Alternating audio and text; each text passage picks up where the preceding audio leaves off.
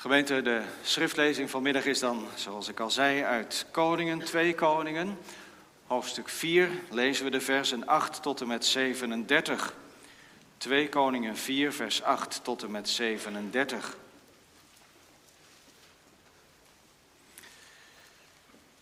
Het gebeurde op een dag dat Elisa langs Sunem kwam. Dat daar een vrouw van aanzien was, die er bij hem op aandrong de maaltijd te komen gebruiken. Zo dikwijls als hij daar langskwam, gebeurde het dat hij daarheen uitweek om er de maaltijd te gebruiken. En zij zei tegen haar man, zie toch, ik heb gemerkt dat deze man Gods, die steeds bij ons langskomt, heilig is. Laten wij toch een klein bovenvertrek van steen maken en daar een bed, een tafel, een stoel en een kandelaar voor hem neerzetten. Komt hij dan bij ons, dan kan hij zich daar terugtrekken. En het gebeurde op een dag dat hij daar kwam, zich terugtrok in dat bovenvertrek en daar ging liggen.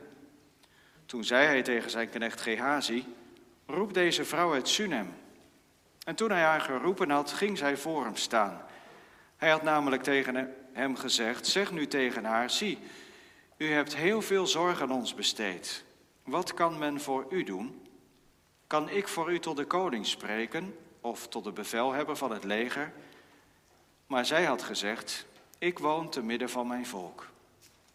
Toen had hij gezegd, wat kan men dan voor haar doen? En Gehazi had gezegd, zij heeft helaas geen zoon en haar man is oud. Daarom had hij gezegd, roep haar. En toen hij haar geroepen had, ging zij in de deuropening staan. Hij zei, op de vastgestelde tijd, over een jaar, zult u een zoon omhelzen. Maar zij zei, nee mijn heer, man gods, lieg niet tegen uw dienares. Maar de vrouw werd zwanger en baarde een jaar later een zoon op de vastgestelde tijd waarvan Elisa tot haar gesproken had. Toen het kind groot werd, gebeurde het op een dag dat hij naar buiten ging, naar zijn vader, naar de maaiers. En hij zei tegen zijn vader, mijn hoofd, mijn hoofd. Die zei tegen een knecht, draag hem naar zijn moeder. Deze nam hem op en bracht hem bij zijn moeder. En hij zat tot de middag op haar knieën. Toen stierf hij. Ze ging naar boven en legde hem op het bed van de man Gods. Daarna sloot ze de deur achter hem en ging naar buiten.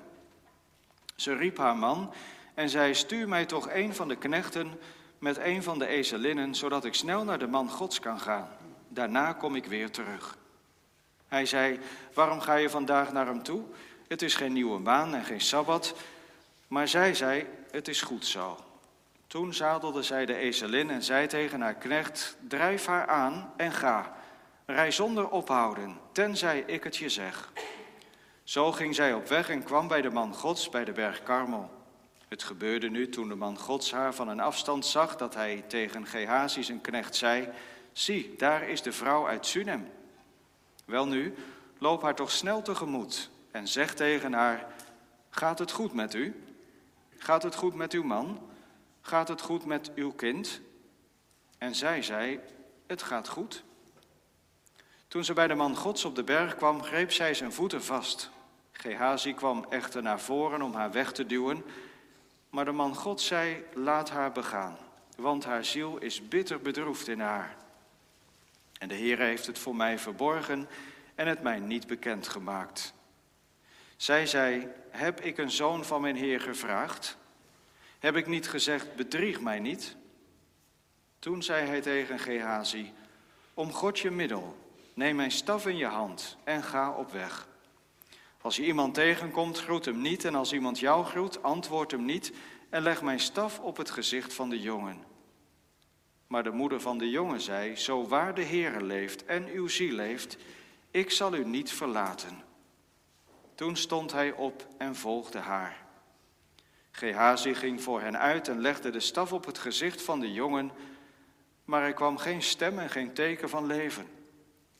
Gehazi keerde terug, hem tegemoet en bracht hem de boodschap: De jongen is niet wakker geworden. En toen Elisa bij het huis kwam, zie, de jongen was dood, neergelegd op zijn bed. Hij ging naar binnen, sloot de deur achter hen beiden en bad tot de Heere. Vervolgens ging hij op het kind liggen, legde zijn mond op diens mond, zijn ogen op diens ogen, zijn handen op diens handen. Hij strekte zich over hem uit en het lichaam van het kind werd warm. Toen kwam hij terug en liep in het huis heen en weer. Hij ging weer naar boven en strekte zich over hem uit. Toen nieste de jongen tot zevenmaal toe. Daarna deed de jongen zijn ogen open. Hij riep Gehazi en zei: Roep deze vrouw uit Sinem. Hij riep haar en zij kwam bij hem. Hij zei: Neem uw zoon op. Toen kwam zij, viel voor zijn voeten en boog zich ter aarde. Zij nam haar zoon op en ging naar buiten. Tot hier de schriftlezing voor vanmiddag. Gemeente, de tekst voor de preek wordt eigenlijk gevormd door het hele voorgelezen schriftgedeelte uit 2 Koningen 4. En ik lees u daarvan in het bijzonder nu alleen nog het 16e vers, het eerste deel daarvan. De belofte van leven. Hij zei, de profeet Elisa zei, op de vastgestelde tijd, over een jaar, zult u een zoon omhelzen. Gemeente, en ook jullie jongens en meisjes uit de gemeente, kennen vast wel dat bijzonder bekende elfde hoofdstuk uit de Hebreeënbrief wel. Dat bekende hoofdstuk met dat doorlopende refrein, door het geloof, door het geloof, door het geloof. En dan volgt het ene voorbeeld na het andere voorbeeld, waarin er door het geloof heel bijzondere dingen gebeurd zijn.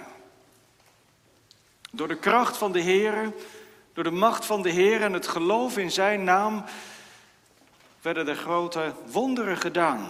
Dan volgen de namen van Abel, van Noach, van Henoch. De aartsvaders Abraham, Isaac en Jacob, ze passeren allemaal de revue, de richteren. Een hoofdstuk uit de Bijbel, als je dat doorleest, Hebreeën 11, dan word je daar, tenminste zo gaat het mij eigenlijk altijd wel, als je daar van leest, dan word je daar aan de ene kant stil van, je komt onder de indruk, maar je wordt er ook jaloers op. Wat een geloof. En wat, wat kan er door het geloof ontzettend veel gebeuren. Wat een machtig God waar deze mensen één voor één, elk in hun eigen situatie, hun enige hoop en hun laatste verwachting op gevestigd hebben. Als je dan wat dieper op die personen doordenkt, over die mensen nadenkt en, en, en wat verder van de Bijbelse geschiedenis erbij hun leven betrekt, dan merk je ook wel dat het geloof van al die mensen ook door de diepte van de beproeving is heen gegaan. Ik zou eigenlijk geen uitzondering kunnen noemen uit dat hele hoofdstuk of ze zijn op de proef gesteld en door de diepte gegaan. Strijd gekend, aanvechting ook. Ik moest bij de voorbereiding van deze preek denken aan dit hoofdstuk uit Hebreeën 11 en daarom noem ik hem ook, omdat er ook een zinnetje in staat zonder naam erbij. Vrouwen hebben hun doden teruggekregen door de opstanding uit de dood. Als een algemene geloofswerkelijkheid van vrouwen die hun kinderen, die hun doden hebben teruggekregen door de opstanding uit de dood. En we weten het denk ik allemaal wel dat de schrijver van de Hebreeënbrief er niet aan toekomt om alle geloofshelden, noemen wij ze vaak, om die allemaal op te noemen. Dan zou de Bijbel te dun zijn, dat past er niet in. Anders had de Sunamitische vrouw er zeker weten ook tussen gestaan. Een vrouw met een groot geloof. Een groot geloof in een machtig God. Een groot geloof dat door de diepte van de beproeving heen zich vastklemt en vast blijft houden aan de belofte van God. En dan ook in die beproeving ontdekt dat God zijn woord vervult. En daar gaat het vanmiddag over in deze preekgemeente. De Heere vervult zijn belofte. Dat is het thema voor deze dienst. De Heere vervult zijn belofte.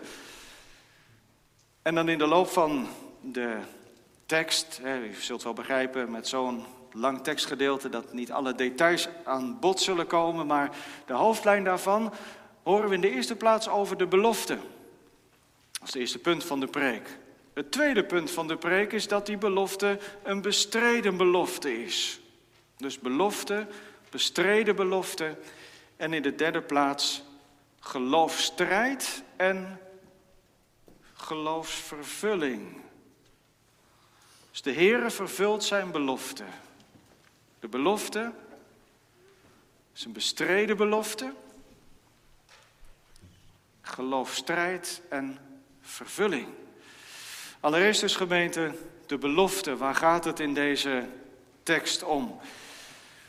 Gemeente jongens en meisjes, we ontmoeten in deze tekst eigenlijk onverwacht de Sunamitische vrouw. Een welgestelde vrouw is het. Ze duikt zomaar als het ware op midden in de geschiedenissen van de profeet Elisa. Profeet Elisa die profeteerde nadat hij Elia was opgevolgd in een donkere tijd waarin het met het volk Israël niet goed gaat. Het volk Israël heeft God verlaten, heeft zijn geboden losgelaten. En in alles wat we van de profeet Elisa lezen eigenlijk, wordt het voor Israël zo duidelijk gemaakt dat het vertrouwen op de Here niet wordt beschaamd. Terwijl je omgekeerd als je in zee gaat met de afgoden, dat je van de ene teleurstelling in de andere teleurstelling valt. Maar wie het met de Here waagt, ook al is de tijd donker, ook al gebeurt er van alles, wie het met de Heer waagt en op Hem vertrouwt, die wordt door God niet beschaamd. Wie is de Sunamitische vrouw? Ze duikt opeens op in dit hoofdstuk. En nog een kort moment ook in hoofdstuk 8 van hetzelfde Bijbelboek. En wat we in dit korte bericht over deze vrouw ontdekken, is dat deze vrouw vol is van de Heilige Geest, vol van de geest van Jezus Christus. Ook in het Oude Testament. Want gemeente, hier in het Oude Testament, midden in het Oude Testament, doet deze vrouw wat Jezus zelf gezegd heeft. Wie een profeet ontvangt, in de naam van een profeet, zal het loon van een profeet ontvangen. Je kunt ook denken, gemeente, dat deze vrouw doet waartoe de apostel Paulus ons allemaal oproept. Vergeet de herbergzaamheid niet. En zo ontvangt deze Sunamitische vrouw de profeet Elisa in haar huis. Profeet Elisa is nogal eens een keer op doorreis blijkbaar door het land. En zij verlangt ernaar om die knecht van God, die man God zoals hem geregeld noemt, goed te doen, te delen, te laten delen in haar welstand, in haar rijkdom. En na overleg met haar man maakt zij het bovenvertrek in haar huis, op haar huis, plat dak met nog een bovenverdiepingje erop, een aparte opkamer zeg maar zodat de profeet, als die op doorreis is, zich daar kan terugtrekken. En Elisa maakt daar geregeld gebruik van. Als hij langskomt, dan wijkt hij uit en zoekt daar onderdak. En op zeker moment lezen wij dan dat de profeet Elisa uit dankbaarheid voor de gastvrijheid van deze vrouw en voor haar goede zorgen, dat, ze, dat hij graag iets voor haar terug wil doen. Wat zou dat kunnen zijn? Hoe kan ik u van dienst zijn? Een goed woordje bij de koning of bij de bevelhebber van het leger. Maar ze heeft geen wensen. En ze zegt, en daar straalt een stuk tevredenheid uit: Ik woon in het midden van mijn volk. Ze is tevreden. Iets om over na te denken, gemeente. tevreden met wat je hebt. Zoals als iets wordt aangeboden, dat je zegt, ja, ik heb het niet nodig, ik heb genoeg, ik ben er tevreden mee. Of kijken wij snel naar het meer dat iemand anders heeft. Zo maar even tussendoor. Er is wel iets dat deze vrouw niet heeft en dat blijkt meteen ook wel. En toch is ze tevreden. Hoe kan dat gemeente? Ja, als je hebt leren geloven en leren beleiden, de Heere is mijn deel, zegt mijn ziel. En daarom zal ik op Hem hopen. Als je gelooft wat de Heer heeft gezegd, ik zal u beslist niet begeven en ik zal u beslist niet verlaten. Dan kun je, ook al heb je niet alles wat je misschien graag zou willen hebben, blijkt wel bij deze vrouw, maar kun je toch tevreden zijn. En als deze vrouw zeggen, ik woon in het midden van mijn volk.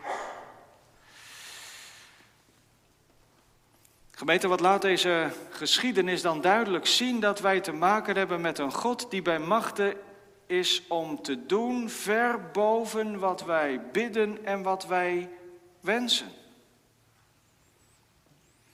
En dat God onverwacht komt met het goede waar we niet eens om gevraagd hebben. En dan krijg je iets van God wat niet eens op je verlanglijstje meer stond. De gemeente, deze vrouw vraagt niet. Ze zegt, ik heb genoeg, ik ben tevreden. En toch missen iets op een geweldige manier wat haar diep in haar leven een ontzettend diep verdriet geeft. Maar het verlamt haar leven niet. En het staat zelfs niet in de weg om dus toch tevreden te zijn. Gehazi heeft het wel goed gezien. In dit huis staan geen kinderschoentjes bij de voordeur. En in dit welgestelde huis slingert ook geen speelgoed in de gang. En er is geen kinderstem te horen. Zij heeft helaas geen zoon, zegt Gehazi tegen Elisa. En dan ligt met die paar woorden ineens dat verdriet van deze vrouw op tafel. Met meteen daarachteraan dat het ook onmogelijk is geworden. Het zal ook nooit meer anders zijn dan dit. Ze heeft helaas geen zoon en haar man is oud. Het kan niet meer. En gemeente, als, als Gehazi dat zo heeft gezegd, het kan niet meer, klinken precies op dat moment uit de mond van de man Gods deze woorden. En dat zijn woorden, gemeente, die één op één doen denken aan dat moment in de tent van Sarah en Abraham. Het zijn nagenoeg letterlijk dezelfde woorden, dezelfde belofte die klinkt. Op de vastgestelde tijd, precies over een jaar, zult u een zoon omhelzen. Onmogelijk, zegt de mens. Ik beloof het je, zegt God. Boven ons bidden en boven ons denken uit gaat het belovende spreken en geven van onze God. De gemeente zegt vanmiddag nou niet dat is van lang geleden deze geschiedenis. Hij is vandaag precies dezelfde als dat hij morgen zal zijn. En precies dezelfde als wie hij gisteren was. Gisteren en heden en in eeuwigheid. Dezelfde. God verandert niet. Ook niet in een moeilijke tijd. Ook niet in een donkere tijd. Ook niet in een tijd waar de massa van het volk zich heeft afgekeerd naar de afgoden. Hij is in diezelfde tijd dezelfde God voor deze Sunamitische vrouw als die eeuwen daarvoor was voor Abraham en Sarah. De gemeente, dat, dat, dat, dat laat mij vandaag een, vraag aan u en aan ons allemaal stellen, aan jou ook jongeren, jongens en meisjes. Leerde jij nou al hopen, leerde u nou al hopen op die belovende God? Leerde u al hopen en verwachten op zijn onfeilbaar woord?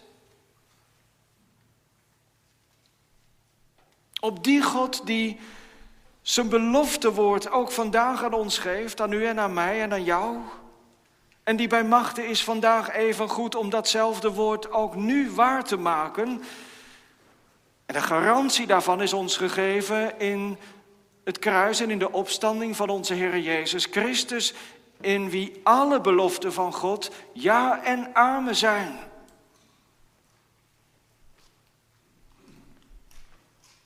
Diezelfde weg van de onmogelijkheid gegaan is. De weg van het kruis. De weg van de dood. En is dat niet vaak de weg van Gods kerk op deze aarde? Gaat het zo vaak niet in het leven van de kerk van Christus? De weg van het kruis, de weg van de ondergang, de weg van de vernedering, van de moeite, van de pijn.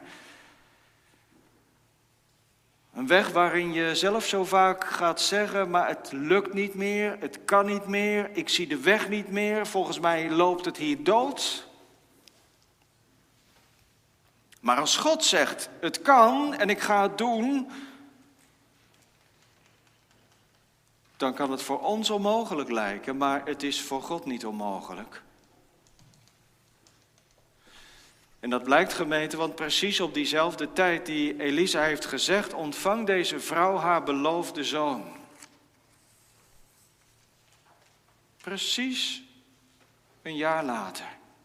Precies zoals de man Gods in Gods naam het aan deze vrouw had beloofd. Het gebeurt zoals God het zegt.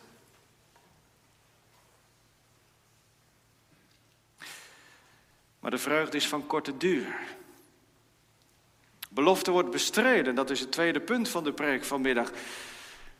De gemeente, dat is ook wel tegelijk ook een ontzettend kwetsbaar punt uit, uit de hele geschiedenis. Hè? En, en ook wat, ja, is dat niet zo, gemeente? Dan kijk ik vooral even de, de ouders aan, kinderen, die, die weten het wat het is om kinderen te hebben, die kleinkinderen hebben misschien.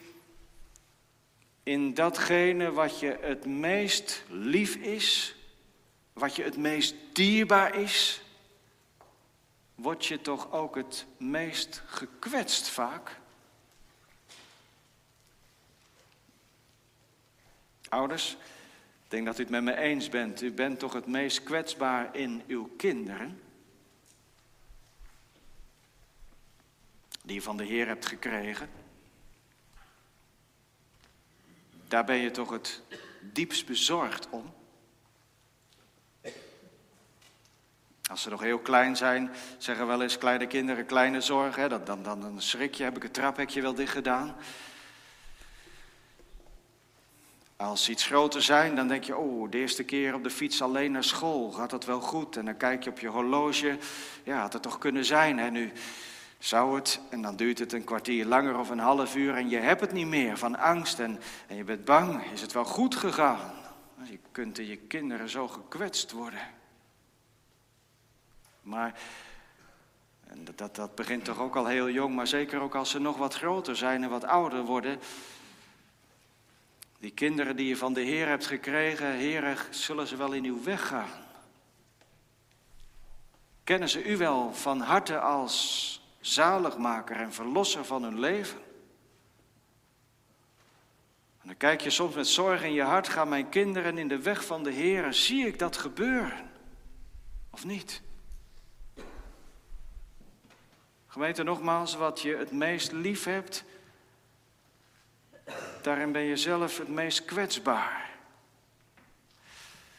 En zo gebeurt het dan op een dag dat het zoontje van deze vrouw ziek bij haar wordt thuisgebracht. De jongen was met zijn vader mee naar het land een dag. Leuk, stoer, meegegaan, oogsttijd, helpen, kijken, wat gebeurt er allemaal. Wat is nog vroeg in de morgen en dan klaagt hij al over zijn hoofd. Mijn hoofd, mijn hoofd. En ze hebben tot tegen de middag met hem op schoot gezeten. En toen stierf hij. Zo'n lang verhaal, gemeente, lees je snel door. Hè? Dat, dat is, je moet het hele verhaal uitlezen, maar dit is wel zo'n zin waar je, ook, waar je ook bij stil kan blijven staan. Hè? En misschien zijn er wel mensen in ons midden die, die dat weten. En toen stierf hij.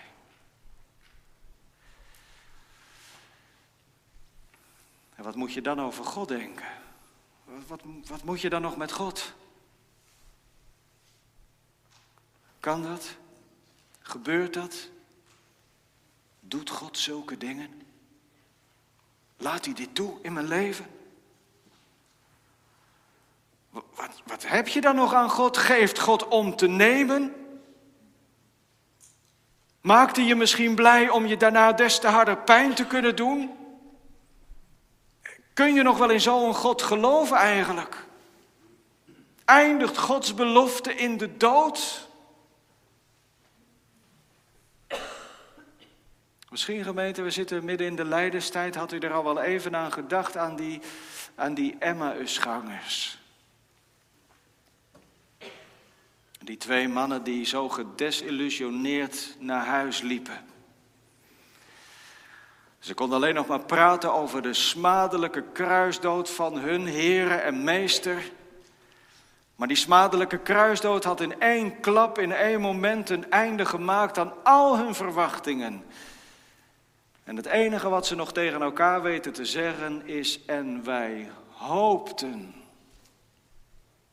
Wij hoopten dat hij het was die Israël verlossen zou, maar het is geëindigd aan het kruis. En dat, dat vertellen ze tegen die vreemdeling die dan zo samen met hen oploopt door de straten. We dachten het, maar de werkelijkheid van God is zo totaal anders. De werkelijkheid is zo weerbarstig, de werkelijkheid is kei en keihard. Het is nu al de derde dag.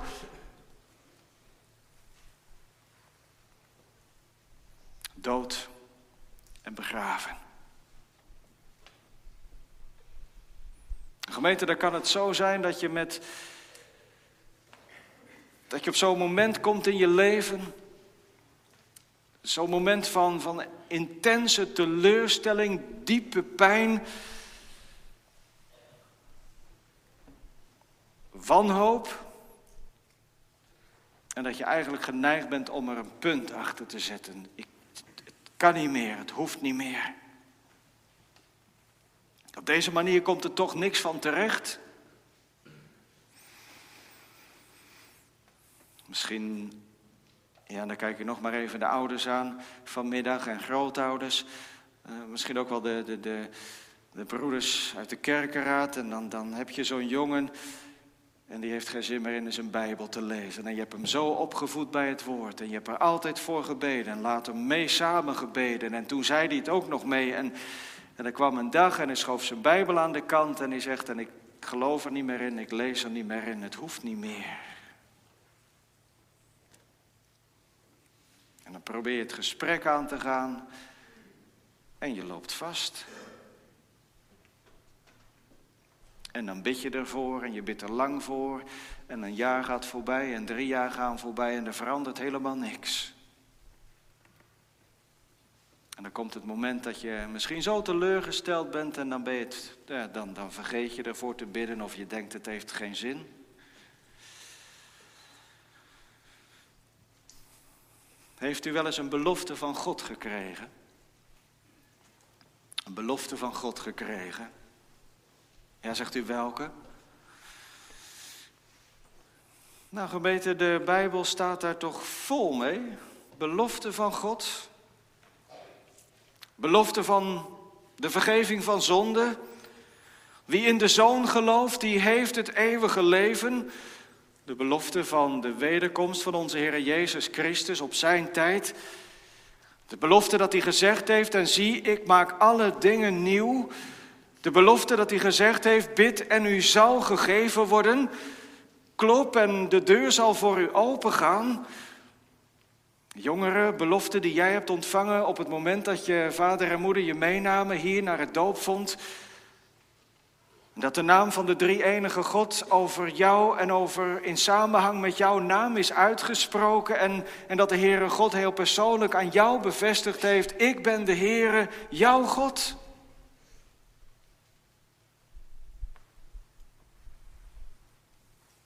daar zit dan alles in wat wij voor leven en sterven nodig hebben.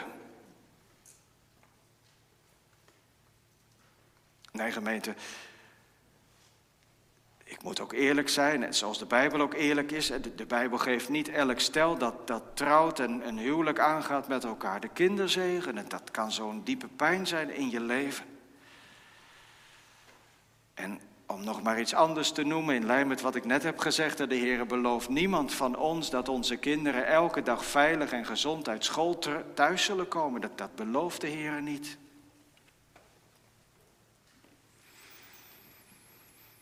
Een diepe pijn. Ik heb in Soes twee gemeenteleden die ja, een jongen verongelukt toen hij naar school ging of uit school kwam. Mensen zijn inmiddels oud en bejaard. En dat is zo'n diepe wond, die, dat vergeet je niet. Je hoeft er niks over te zeggen of ze hebben het erover. En, en ligt die pijn nog weer op tafel na, na tientallen jaren nog. Dat belooft de Heer niet. Maar hij belooft ons wel, en dan belooft hij ons allemaal, dat hij om het bloed van de Heer Jezus Christus wil, ons al onze zonden wil vergeven en die van onze kinderen. Ik ben de Heere, uw God en de God van uw nageslacht. Alles wat je als mens nodig hebt om te leven en om te sterven en om dat getroost te kunnen doen, leven en sterven, getroost onder het heiligend kruis ja, vaak onder het kruis, maar wel op weg naar het vaderhuis. De belofte tot en met de belofte van de Heilige Geest toe, zodat je zelf helemaal niks hoeft toe te voegen. Dat die in ons wil wonen en ons wil werken en ons wil toe-eigenen, datgene wat we in de Heer Jezus Christus hebben. En daarom gemeente vraag ik, en dat is ook goed om daar een antwoord op te geven. En, en, die vraag moet je dan ook maar mee naar huis nemen. Heeft u wel eens een belofte van God gekregen? En, en, en dan vraag ik er meteen maar achteraan, welke dan? En dan denk ik tegelijk ook aan die door en door bekende uitspraak van Maarten Luther, die zegt: God spreekt op geen enkele andere wijze tot ons dan met het woord van de belofte. Dat is meteen ook de spiegel voor ons om erin te kijken. Wat heb je nou met dat woord van de belofte? En dan, dan, dan is dat eigenlijk je hele Bijbel. Wat heb je nou met dat woord van Gods belofte in je leven gedaan? Dan kom ik ook bij het derde punt van de preek. Want gebeten, er zijn mensen die gaan, ja, als het ware heel laconiek met Gods belofte om. Laconiek op een manier dat het allemaal zo vanzelfsprekend is. Ja, natuurlijk. Het staat er toch. En eigenlijk denk je er dan niet eens zo goed meer over na. En je moet dat gewoon geloven en dan, dan komt het allemaal goed. Dan is het allemaal al goed. Of heel makkelijk, ja, je bent toch gedoopt. En ik noem dat een beetje een redeneergeloof. Dat geloof dat redeneert zich alvast naar de vervulling toe alsof je het allemaal al in je zak hebt. Een soort conclusiegeloof, zeg maar. En vaak kun je daar nog geen spel tussen krijgen op het eerste gezicht. Het lijkt allemaal te kloppen. Maar er zit vaak geen hart in. Totdat het misgaat. En hoe zei de Heer Jezus dat ook alweer? Geloof dat er zomaar is, dat vanuit het niks als het ware opschiet. Maar dat ook meteen verdord is als er vervolging en verdrukking komt. Als het geloof wordt beproefd, is het ook ineens verdwenen. Andere mensen die weten van Gods belofte, maar die omgeven die meteen elke belofte van God met een ja, maar. En drukken die belofte van God dan eigenlijk dood. Altijd een maar erbij. Maar. Je moet toch wachten op Gods tijd. En die door en door bekende, ja maar, het moet je toch gegeven worden. Dat zijn van die losse waarheden, die worden snel uit de mouw geschud. Maar meestal om de belofte van God op dat moment krachteloos te maken. Het geloof ontbreekt daar zo pijnlijk in. Sterker nog, gemeente, zo vaak wordt de verantwoordelijkheid stilletjes afgeschoven op God met al ons geja, maar wat kan ik er eigenlijk aan doen? Gemeente, wat betekent Gods belofte voor jou, voor u? Wat betekent die belofte van God? Dat hele dikke woord van God, die complete dikke Bijbel, woord van God, woord van Gods belofte. Wat betekent die nou eigenlijk voor jou? Wat doe je ermee? Ziet u, zie jij wat het woord van Gods belofte doet in het leven van de Sunamitische vrouw?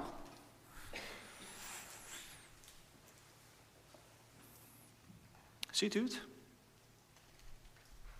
Zij worstelt daarmee, net zoals Jacob worstelde bij de Jabok met God. En ze zegt, en ze grijpt zich vast aan het woord van God, aan die belofte van leven.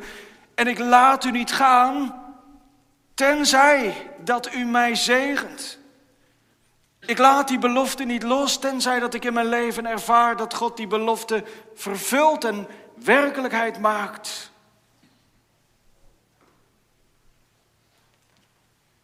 Gemeente, kijk eens wat ze doet.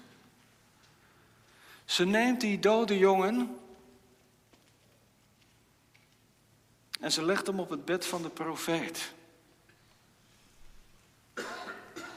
En daarna doet ze de deur dicht. Dat hoeft verder niemand te weten.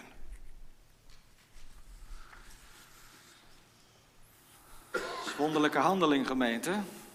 Ze neemt die dode jongen mee, legt hem neer op het bed in de kamer van de profeet en doet de deur dicht, alsof het niet gebeurd is.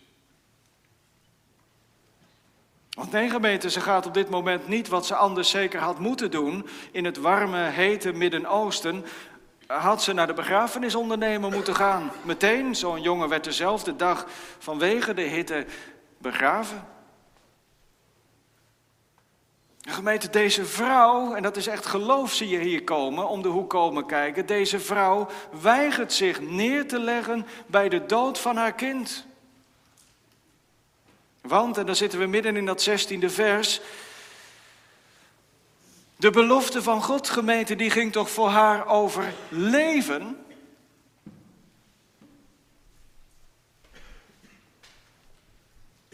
En niet over de dood. En is dat nou juist niet exact hetzelfde geloof in een heel andere situatie en op een heel andere tijd? Datzelfde geloof dat dan van Abraham zo prachtig in Hebreeën 11 wordt beschreven. Abraham overlegde bij zichzelf. Hij ging niet de markt op, maar hij overlegde bij zichzelf. Dat God, zijn God, de God van de belofte, dat zijn God bij machten was als die Isaac geofferd zou hebben, hem uit de dood weer terug te geven.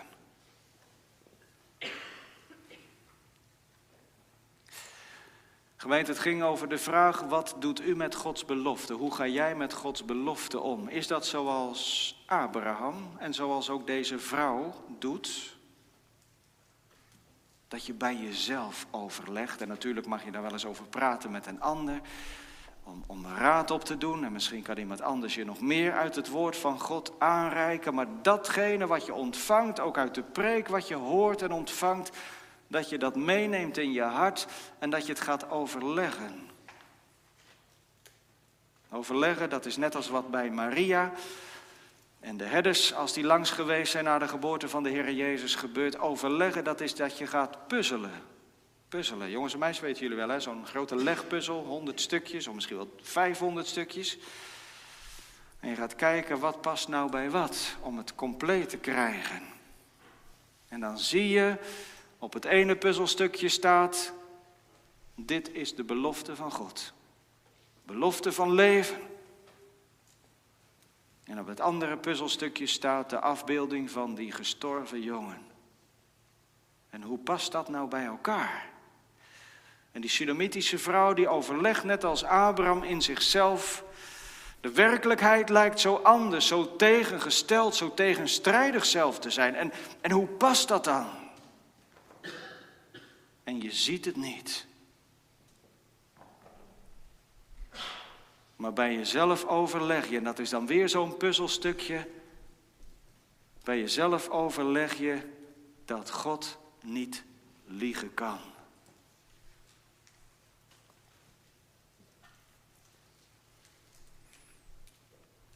En gemeente, dat is een ingewikkelde puzzel soms. De werkelijkheid van je leven, die botst met alles wat je denkt, met alles wat je gelooft, met alles wat het woord van God je op het eerste gezicht heeft aangereikt. Lijkt er geweldig mee in tegenspraak. En intussen komt er dan zo'n woord tot je, en het komt vanmiddag ook tot ons. God kan niet liegen. En dat betekent gemeente dat al die beloften die God gesproken heeft, die zijn waar en die blijven waar. Ook al zie ik het tegendeel. God kan niet liegen. Gemeente, dan is niet de werkelijkheid die wij zo vaak voor ogen zien het einde van alle tegenspraak. Maar gaan wij door de geest geleid bij dat open woord van God. Gaan wij zien, gaan wij geloven dat Gods mogelijkheden ver uitstijgen boven die werkelijkheid die wij voor ogen zien. God is bij machten om. En dan mag je dat in gaan vullen voor je eigen leven, voor je eigen vragen, voor je eigen pijn en verdriet. God is bij machten om boven mijn bidden en boven mijn wensen, boven mijn denken te doen. En al zie ik het niet, kan Hij toch doen, zodat uitkomt wat God beloofd heeft. En dat betekent heel concreet voor deze vrouwgemeente, net als bij Abraham en zijn zoon Isaac die die moest offeren, dat hier de dood het laatste woord niet hebben kan. De dood kan het laatste woord niet hebben als die leven heeft beloofd en als die nageslacht heeft beloofd. En in plaats van de begrafenisondernemer te waarschuwen, regelt ze via haar man een knecht en een ezel. En dan gaat ze zo snel op weg als ze kan naar Elisa. En geweten, dan zie je telkens in elke stap eigenlijk die deze vrouw nu zet, zie je iets van haar geloof doorschitteren. Haar man is verrast. Ja, waar moet je zo snel naartoe? Naar de profeet? Ja, maar het is helemaal geen nieuwe maan en het is ook geen sabbat. Waarom ga je vandaag naar hem toe? Gemeente, dan zou je hier toch verwachten dat deze vrouw snikkend in tranen uitschreeuwt van ellende. Ja, ons kind is gestorven, ik moet zo snel mogelijk redding halen. En dat zegt ze niet. Het enige wat ze hier zegt is, het is goed. Het Hebreeuws gebruikt daar het woordje shalom. Het is goed, zegt ze tegen haar man. En dan gaat ze op weg. Man stelt verder geen vragen, ze gaat op weg. En als ze dan bij de profeet Elisa aankomt en Gehazi haar tegemoet gaat of begroet, dan vraagt Gehazi aan de Sunamitische vrouw: Is het goed met u? Shalom? Is het shalom met u? Shalom met uw man? Shalom met uw kind. En dan geeft ze, en het klinkt haast raadselachtig gemeente, dan geeft ze het antwoord, shalom. Het is goed.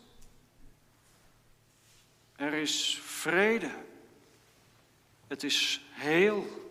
Het is goed.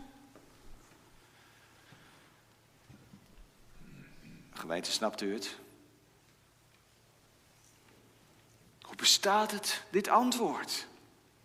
Kan er vrede zijn? Kun je spreken van heelheid op het moment dat je eigen bloed, eigen kind, dat je zo lang had gehoopt, maar niet had gekregen en dan uiteindelijk toch gekregen hebt?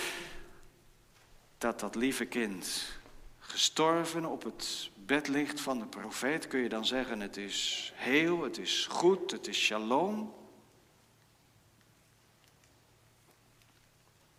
Dus als heel je leven op de kop staat, ondersteboven ligt. Maar denk aan woorden van de Heer Jezus. Mijn vrede, mijn shalom, geef ik u. En gemeente, is dat nou juist niet wat de Heilige Geest door middel van de belofte in onze harten wil bewerken?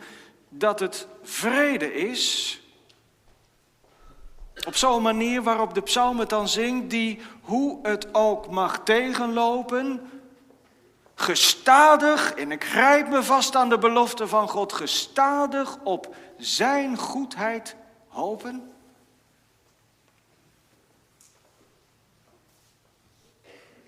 Christus is met alles wat hij heeft en wat hij geeft de vaste grond van mijn behoud. Van mijn bestaan. Als mijn hart en mijn vlees bezwijkt, dan nog. Gemeente, dat is geloof, hè? Dat, dat haal je niet zomaar op een goede zaterdag uit je zak als het misgaat in je leven. Dat is geloof, hè? Als mijn hart en mijn vlees bezwijkt, dan nog bent u mijn rots en voor eeuwig mijn deel. En dat geloven, dat is tegen de klippen opgemeten. Op hoop, tegen hoop.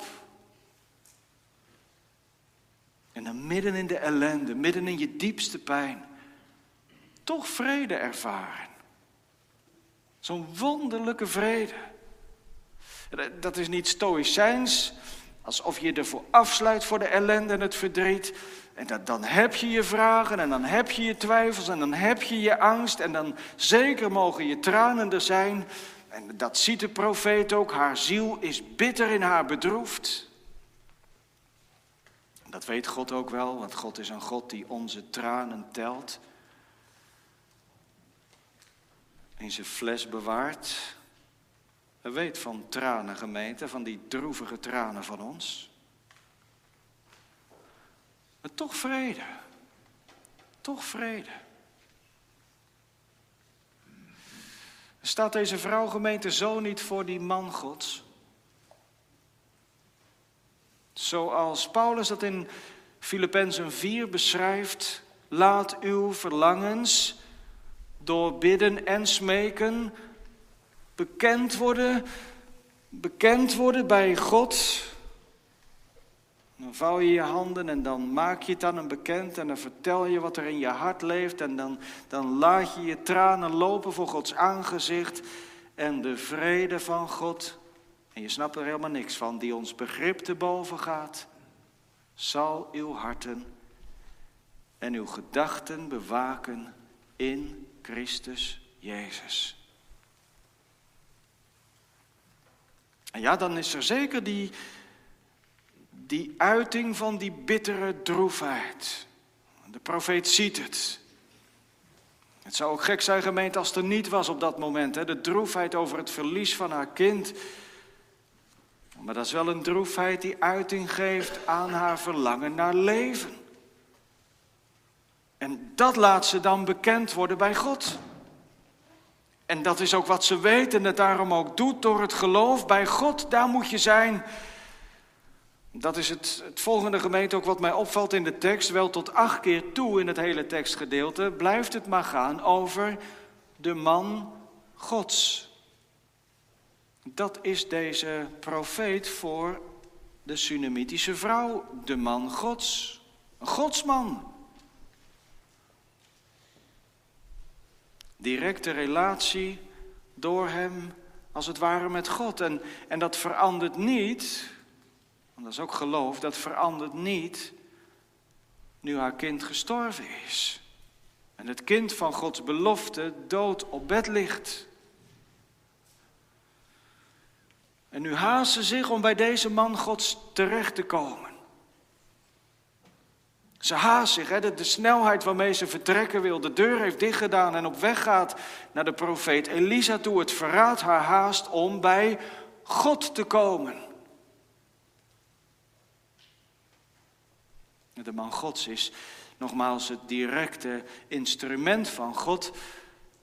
Zo heeft hij tot haar gesproken, zo heeft God zijn belofte van leven aan haar gegeven. Door de man Gods kwam deze vrouw in contact met Gods woord. En nu gaat zij omgekeerd door middel van die man Gods eigenlijk naar God toe. Om haar nood door middel van die Godsman bij God zelf te klagen. En zo valt ze voor hem neer en vestigt ze in hem al haar hoop op de God van deze man. Dan moet je toch denken aan zo'n regel uit zo'n bekende psalm. Gedenk aan het woord gesproken tot uw knecht, waarop u mij verwachting hebt gegeven. Dit is mijn troost, in de druk mij toegezegd. Gemeente, aan de voeten van deze man Gods hangt ze met haar hele bestaan. Met al haar onbegrip, met haar pijn en intense verdriet, hangt ze aan God. En gemeente, dat, is, dat, dat, zie je meteen eigenlijk ook, dat is geen conclusiegeloof of zo. Want als alles tegen je is, dan red je het niet meer met zo'n redeneergeloof. Je ziet ook wel, dit is ook geen leidelijk omgaan met de belofte van God, met allerlei jamaars en dergelijke. Als God je iets belooft en je gelooft dat, dan werp je je op die belofte van God en dan werp je je op de God van de belofte.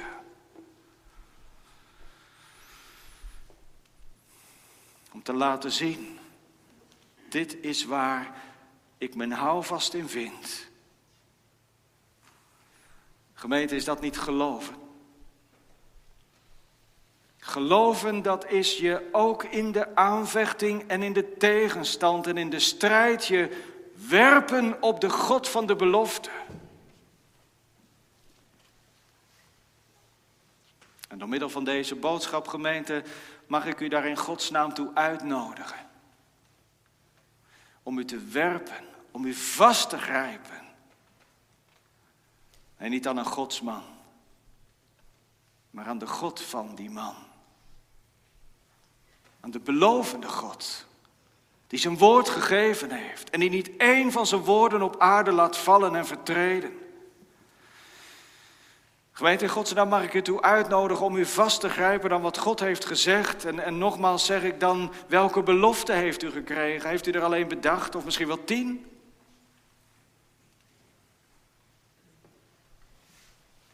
En dat je bij God komt en zegt, Heere, gedenk nou aan dat woord dat u mij gegeven hebt, waarop u mij liet hopen. Ook al zie je het niet, ook al snap je niet hoe het ooit vervuld moet worden, maar dat je gelooft in Gods onfeilbare woord. Al word je verscheurd door angst en pijn door onzekerheid. Je toch zegt en ik klamp mij vast. Of Puritijnen zeiden ook heel vaak, leg je vinger er maar bij. Wijs het maar aan in de Bijbel en zeg, Heer, hier staat het. Dit is wat u gesproken heeft. Doe dat dan ook aan mij.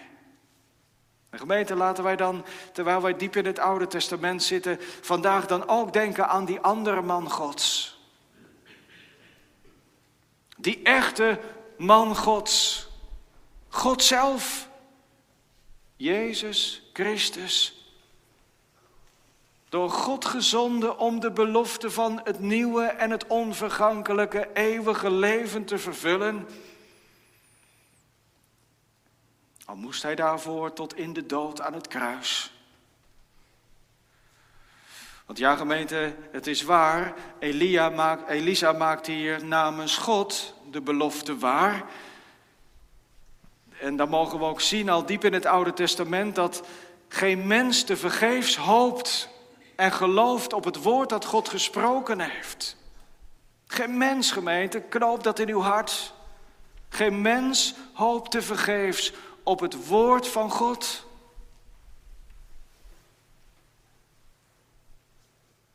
Dit geval klampt ze zich vast aan die man Gods en ze laat niet Gehazi zomaar vooruit gaan om die dan maar achterna te gaan. Nee, ze moet bij Elisa zelf zijn en Elisa gaat met haar mee.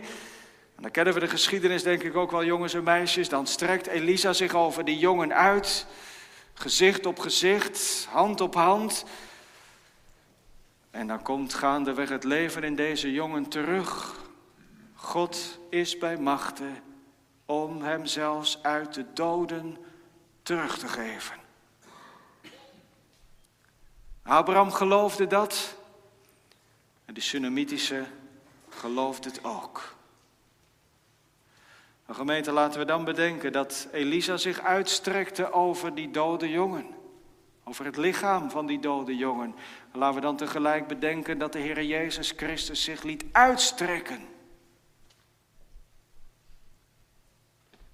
Niet over ons lichaam, maar in ons lichaam. Daarvoor is de Heer Jezus Christus op aarde gekomen en is hij geworden precies zoals wij, vlees van ons vlees. Hij nam ons menselijke lichaam aan, onze menselijke natuur, uitgezonden te zonde, maar zo werkelijk echt puur mens, vlees en bloed zoals wij.